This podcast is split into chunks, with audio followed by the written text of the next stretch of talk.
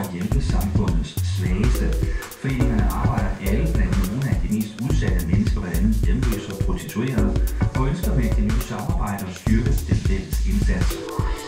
Hvad er der jo bedre, Søren Jacobsen? Det kommer ikke så meget om det, men er der der spiller, at du har anvendt, du varst ikke anvendt, ja. Varst du, hvordan, hvordan du har så hvordan kan bo, du?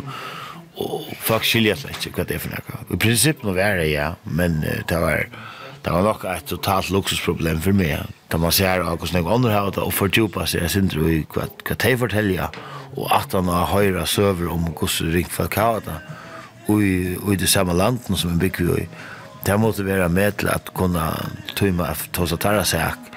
Jeg har det ordentlig godt ved at køyre den veien som jeg køyre i Eblitsen, så vet jeg ikke hva det gjør om 25 år.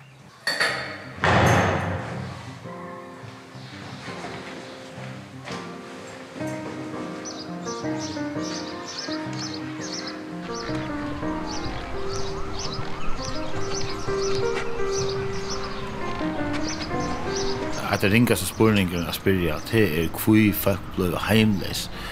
Og her, her, her var jeg bare fyrslemmer om, om snakk som er sett i verden på og finne barndom og opptræelse på en, en helt annen mat enn en, en de fleste kunne drømme om. Og tog er det et drive for meg at tog meg at, at, at, at, at, at, at, at, at, at, at, at, at,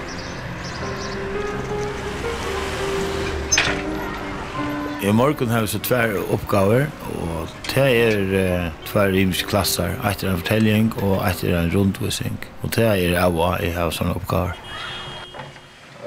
Men nå er det så trutje nemgar ur uh, en kjenne klasse av Østerbro, som her var nemgar har ofte 5-20 spurningar, og det er rettelig skarpe til unge. Man skal ikke via, så kan man si vi teg, og så det er skilja, jeg, og formidler sin til å vite om hva det handler om hvordan var det, sådan, du endte på gaden? Endte med at blive hjemløs? Hvad var sådan forhistorien? Ja, ja det, var, det var faktisk et øh, tidspunkt, hvor jeg, hvor, jeg, hvor jeg havde boet et øh, værelse hos en, øh, en dansk øh, dame og leje. Og jeg havde studeret for det og, og, jeg, og jeg havde ikke nogen penge, jeg havde ikke noget hjem. Og det var, jeg havde boet hos en ven tæt på strøget, og det, det kunne ikke lade sig gøre mere. Og så, og så blev det det.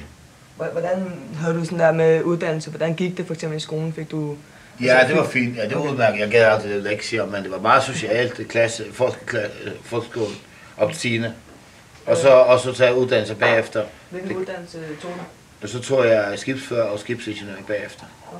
Da jeg var hjemløser, ta, ta var det bare helt nakka, forferdelig nakka ved at uh, ja, man, man, man skulle komme til herberg her til for, og afrikaner og alt mulig blanda fakkasløg av, av, av ikke særlig av pinn åren som ble sagt, og blandingsmisbrukere. Og, og den neste dagen er mannen og vikner til simpelthen bare Man forteller ikke for vinen eller familien nøkron til ikke noe særlig statsutøy. Men altså, det er noe helt annet at, at så opplever noe nok flere år at nå jeg skulle fortelle om det hans til, til, men akkurat da jeg var ute og det var på her. Jeg var så hjemme i tre år det er ikke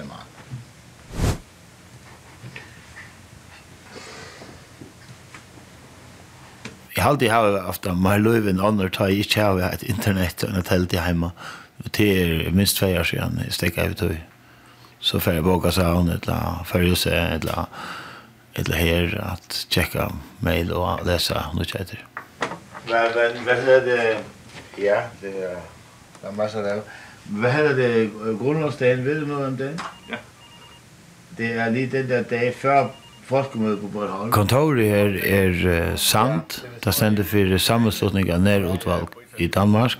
Og det er representerer rettigheter til Heimløsund av Herbergo. Og vi har gått forhold. Vi, ja, alle ser som er ansett. Vi tog. Og så er så Herbergene bare søgne av her. Her er det Heimløsund har en, en adresse. Men grundlovsdag har jeg så der, ja. Men der er vi med, det er meget sjovt, det er meget hyggeligt. Det er sådan en hippier, voksne hippier, ja, ja. Jamen, som ja. holder nogle sådan tobakstaler på staden. Det er jo Christiania på. Ja, det er skide sjovt. Jeg har en rundvisning lige nu. Okay, men så ser der kommer sted fra Ja, ja. Med gaden stemmer? Det, ja, for gaden stemmer. Moin. Som, moin, moin. Som man siger. God dag. Øhm, det er lidt svært at sige, hvor man skal starte, fordi øhm, det er jo meget øh, dystert område at tale, øh, emne at tale om. Det er et tungt emne. Her er en tusen klasse i Jyllandet, som har bestilt en uh, tur for uh, noen uker siden. Og jeg forteller så min erfaring om hva det mener, og hva er holdninger, og hvordan det er, og hvordan, hvordan det blir behandlet, jeg sier heimløse. Det er, det, det faktisk kjærlig, ikke kjærlig hundstøy, tvers måte at uh, kommunen behandler deg. Så det er jeg virkelig er verst at løse. Jeg er liksom den kompetanse at man, har, at man kan snakke om hvordan de har det. Og vi besøger så også herberger fra Sande. Ja, præcis. Man, er, man kan sige, at man har ligget i Rønsten selv. Men det er vel meget godt, det er en som dig, der sådan ligesom skal være talerør nu, ikke? Fordi du har, du har været nede i det. Ja. Øhm, hvor mange bor der cirka her? Jeg har ikke rigtig tal på det, men, men, men der kan sove i den ene café, kan der sove 50. Og i plejekollektiv, som er tre bygninger, hvor der er 30 ansatte, jeg vil skønne et tal på cirka 250-300. Der er også noget, der vandrer ind og ud til sygeplejersken. Nu håber vi, du kan vise os lidt rundt og se noget af det, vi læser om. Stille og roligt, prøv at ikke at træde på noget her. Jeg bor jo selv og forskellige bygningen som er herberg av Sundholm i 2,5 år, og det er til lukka som er ferdig tøy nå. For, for fem år siden, der var der madrasser på gulvet. Lige nu er det gjort rent, og de har afspredt de madrasserne. Og her bor der året rundt øh, hjemløse. Nogle er det samme, nu har man skiftet ud og Det er ikke mer enn seks år siden, da var unga senker inn i snir her bæsjen, og her ble det bare nordisk og dansk som slipper inn og sove her, og ta sammen av gulven, og ta prøva i så og i en tøy og nu er det kommet henker men altså standarden er simpelthen nega som blir utbrent fra første verenskrutsk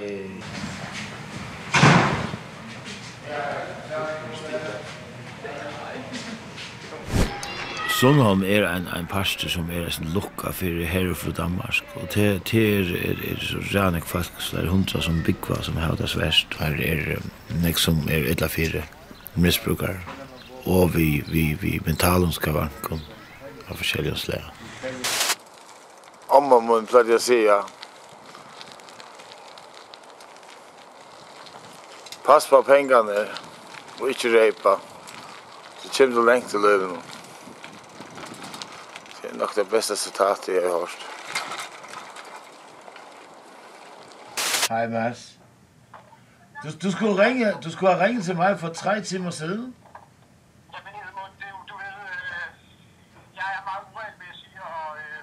Ja, ja, det er okay. Sk ja, jeg, jeg lever en time ad gangen. Ja, det er det. Uh, indianerne, de lever en dag ad gangen. Så er du andet bedre menneske. Vi ses. Hils Michael. Okay, hej hej.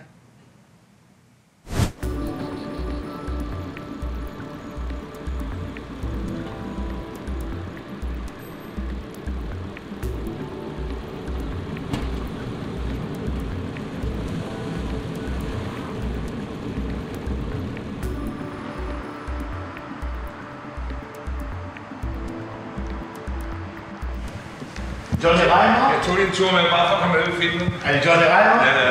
Hold da op, det er første, jeg hilser på dig. Ja, okay. Det er kun de fine, der kommer her. Det ved jeg ikke. Jeg kommer også.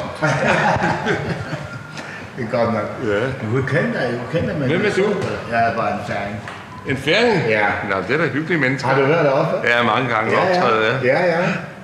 Jeg har en avtale der, vi uh, Mikkel Bersensen og Mads Brukker, og Teir er rettelig stortlige personer, ølige, imuskjører, Og der er også journalister og kjent derfra at her kom og gjør det en sånn dokumentar vi åtta personer til at lesegruppen Sundholm. Og der er og rære spesielle og nok stuttelig man kan finne vidtja der og gasta der senter. Ofta rundt av bjada dem til først tiltøkner og fyrjus noen og sånt. Ankt er der vi på akkurat, men der er jo så rære busy og Der er resten mennesker, selv om der er danskere. Men, men prøv at høre, Edmund, vi sender 22 timers nyproduceret radio i døgnet. Ja, altså, ja. Så, så der, der, skal alt, der skal tales om alt. Og, og det er smukt, at danskerne tør at være så modige, at de tør frembringe alt og belyse og sådan noget, og journalisterne ofte. Men Putin og Nordkorea, de vil hurtigt lukke 24-7, hvis vi begyndte at snakke om, at det er tilladt at have sex med en gris eller hund eller kat, hvis ikke de gør modstand. modstand. Jo, men man kan sige, det er jo i virkeligheden er det jo meget putinsk at forbyde sex med dyr. Men hvor relevant er det at snakke om sex med dyr? Jo, men det er jo relevant, fordi det var en debat på Christiansborg. Altså, Nå, Dan, det? Jørgensen fik det er jo gennemført. Ej. Altså, fødevareministeren har fået, fået det gennemført og vedtaget Ej. et forbud mod sex med dyr. Synes du, det er seriøst, eller er det seriøst emne at snakke om? Undskyld, jeg spørger. Jamen, når det er oppe på højt politisk niveau, så skal man da snakke om det. Det er helt vanvittigt. Noget, der gjorde et kæmpe indtryk på mig, det var en lille notits engang i BT. En mand i en forstad til København kommer ud fra et supermarked, og foran supermarkedet står der en golden retriever. Og så oplever han simpelthen, at hunden den flytter med ham. Den kigger på ham meget kærligt, og så tænker han, den hund, den vil knaldes. Og så trækker han bukserne ned og springer på hunden. Nå. Og så kommer folk altså løbende ud fra supermarkedet og, og, og, og bremser det, og han bliver så anholdt og kørt væk af politiet. Ja, okay. Det jeg er meget interesseret i, det er det øjeblik, hvor hunden og manden har øjenkontakt. Altså, hvad, ah. hvad er det, der sker, der gør, at han tænker, den hund vil have den? Ja. Det er et stærkt øjeblik. Altså, jeg må sige til jer, at en føringer vil alltid være en föringer. Oansett om han bor Ut i store vær og hver det som enn er, så vil hjärsta og sal alltid høyra atter til.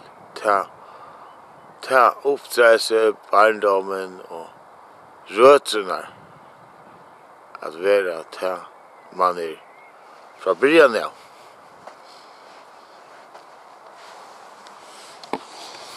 Da jeg var barn, der havde min mor en ven, der hed Jette Forkammer. Hun var sociolog. Hun fulgte en bygd på Færøerne. Okay. Hen over 30 år. Mm -hmm. Fra der var nul fjernsynsapparater til at alle havde fjernsyn. Og hvad det gjorde ved sammenholdet ja, samfundet, men også ved børn, den måde børn mm. legede på, og den måde de talte på. Ja, det er fantastisk. Hun, det var et, et, et øh, forskningsprojekt hen over 30 år, ja. hvor hun fulgte udviklingen ja. i den her lille ja, ja. færøske bygd. Ja. Altså, med, altså børnene... Til ud fra, hvad fjernsyn gør. Børnene. Hvad var resultatet? Folk var holdt op med at tale sammen. Mm. Hvad er muligheden for, at vi kan blive et team, der roer? Altså, hvor du styrer. Ja. Du har, du har den der... Ej, ikke mikrofon, så dårligt. Nej, du har sådan en trakt. Nej, nej, det er ikke Charlie Chaplin, det her. Eller okay. går godt, kan du lytte det. Du sidder, du, du bevæger dig næsten ikke, og så masser jeg, vi roer. Er det længere tilbage. Ja. Ja, jeg er sådan der, ja. Og så skal jeg holde åren, hænderne ja. sammen, helt ja. ud mod kanten af året. Sådan ja. der. Ja. Et færdig skruebåd. Ja. Sådan der. Strækte arme, begge to. Ja. ja. Og når man starter, jeg ser jeg lige sagt det, hænderne sammen, jeg skal ja. ikke gentage mig selv, vel? Og så overlever den udvendet, bladet nedvendet. Ja. Og så klar. Er det nu? Så er det tre halve, når jeg siger nu. Jeg siger 1, 2, 3 nu. Tre halve. Det er sådan en mødom. Jeg tager jeres mødom. Surfers mødom nu, okay? Ja. Okay, jeg siger. 1, 2, 3, nu! 1, 2, 3. Nå, vi kunne vi køre. Ja. Men han, han er jo ikke med. Du skal, du skal da følge med, Edmund. Og vi bliver... Prøv lige, prøv lige igen. 1, 2, 3, nu! 1, 2, Hej.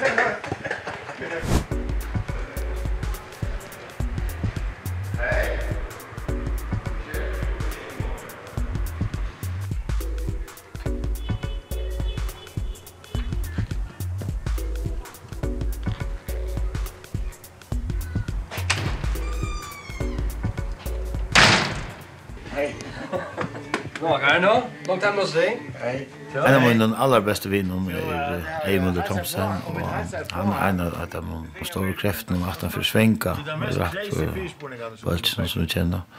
Og det er just nok tiltak, vet du, man er Kristiania, etter skarv og tvei i Førjus noen, og til reisen i fyrjum tøy, og det har stått litt av hvert det. Ja. Hvordan er det sannsja du opptid i det? Tvei.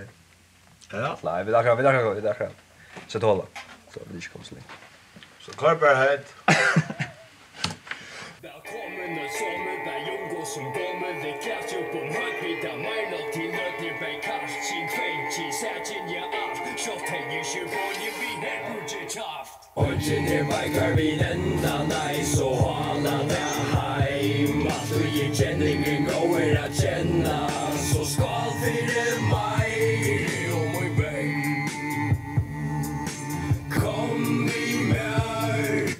brenner för det, ja? Ja? Ja, det här akkurat det du säger, att dricker inte stuttläggare, vad säger du så? Dricker vi mig om Ja, men maten sier det på trummorna, rytmerna, det är inte system of a down. Check it, just not like a rytm, minor. Akkurat med John Reimer där. kan han ikke fyrt inn nok sånn. John Reimer, møtte han? Han sanger Sjællandsbergene, tjent vi har hatt i dag, tjej tjo. Hva møtte han? Det er radio 47. Han så blir det på, han er alt sammen fyrt han samle ånder helt. Ja, det rätt. Tar det fast i handen, han är solbränt i brunnar och fitter. Helt med över så gott ut då. Kontrast. Ja, tas där det danska det festliv där det då där. Det är det showbiz. Vi är nekvar. Peter Bell John Reimer, han lever än. Finns han inte en sån färdigskrivet rapvideo? Ja, varför inte du? Ja, det är det. Nej, sure, det är det. Det är ju så att vi nu bjuder vi och bom bom bom. Kaiserens soldater. Ha?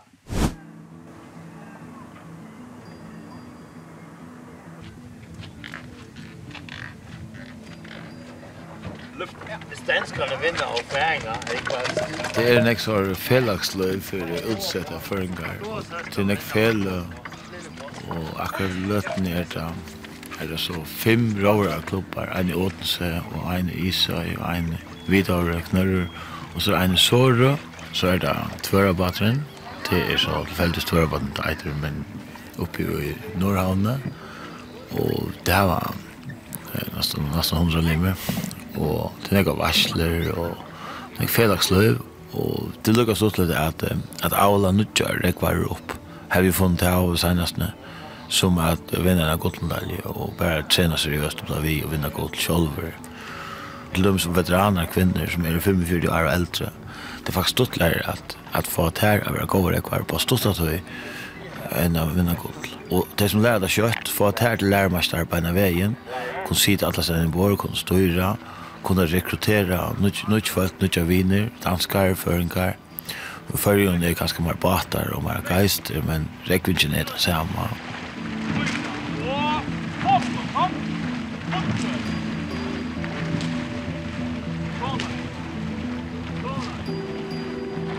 Det er til stort litt der, det ser jeg bare vi er rekva. Det er jo så fantastisk at jeg kommer hjemme, men jeg er pura pilka og nyer vi vi adrenalin og muskler og alt og heilen fungerer bare bedre vi at vi drikker det er en, en sport man blir biten at man bruker alle kroppen når man rör faktisk hvis man rör rätt.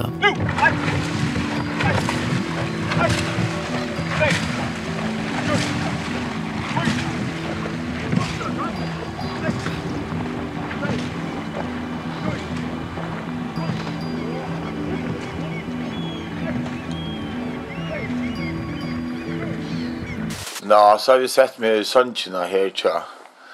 Tja Emma, som er døtteren til mina store søster Ingrid. Og Sergio.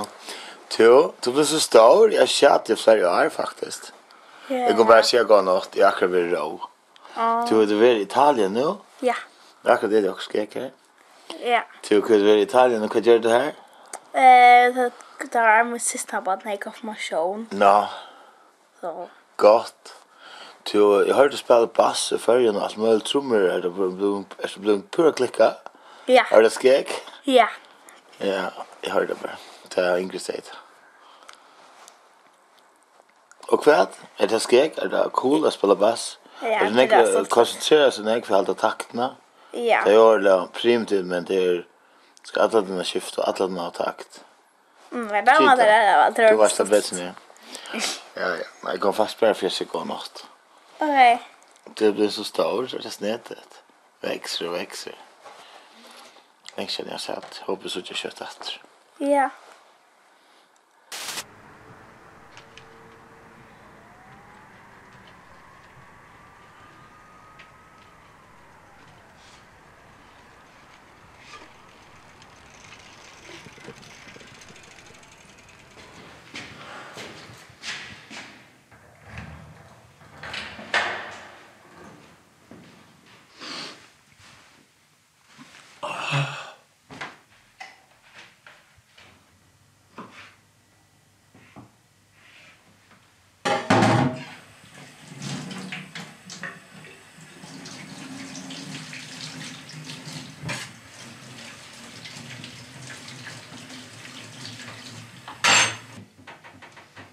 jeg hadde sint det anarkistisk i forhold til jól og, og religion og konfirmationer og føringer der og gaver og sånt.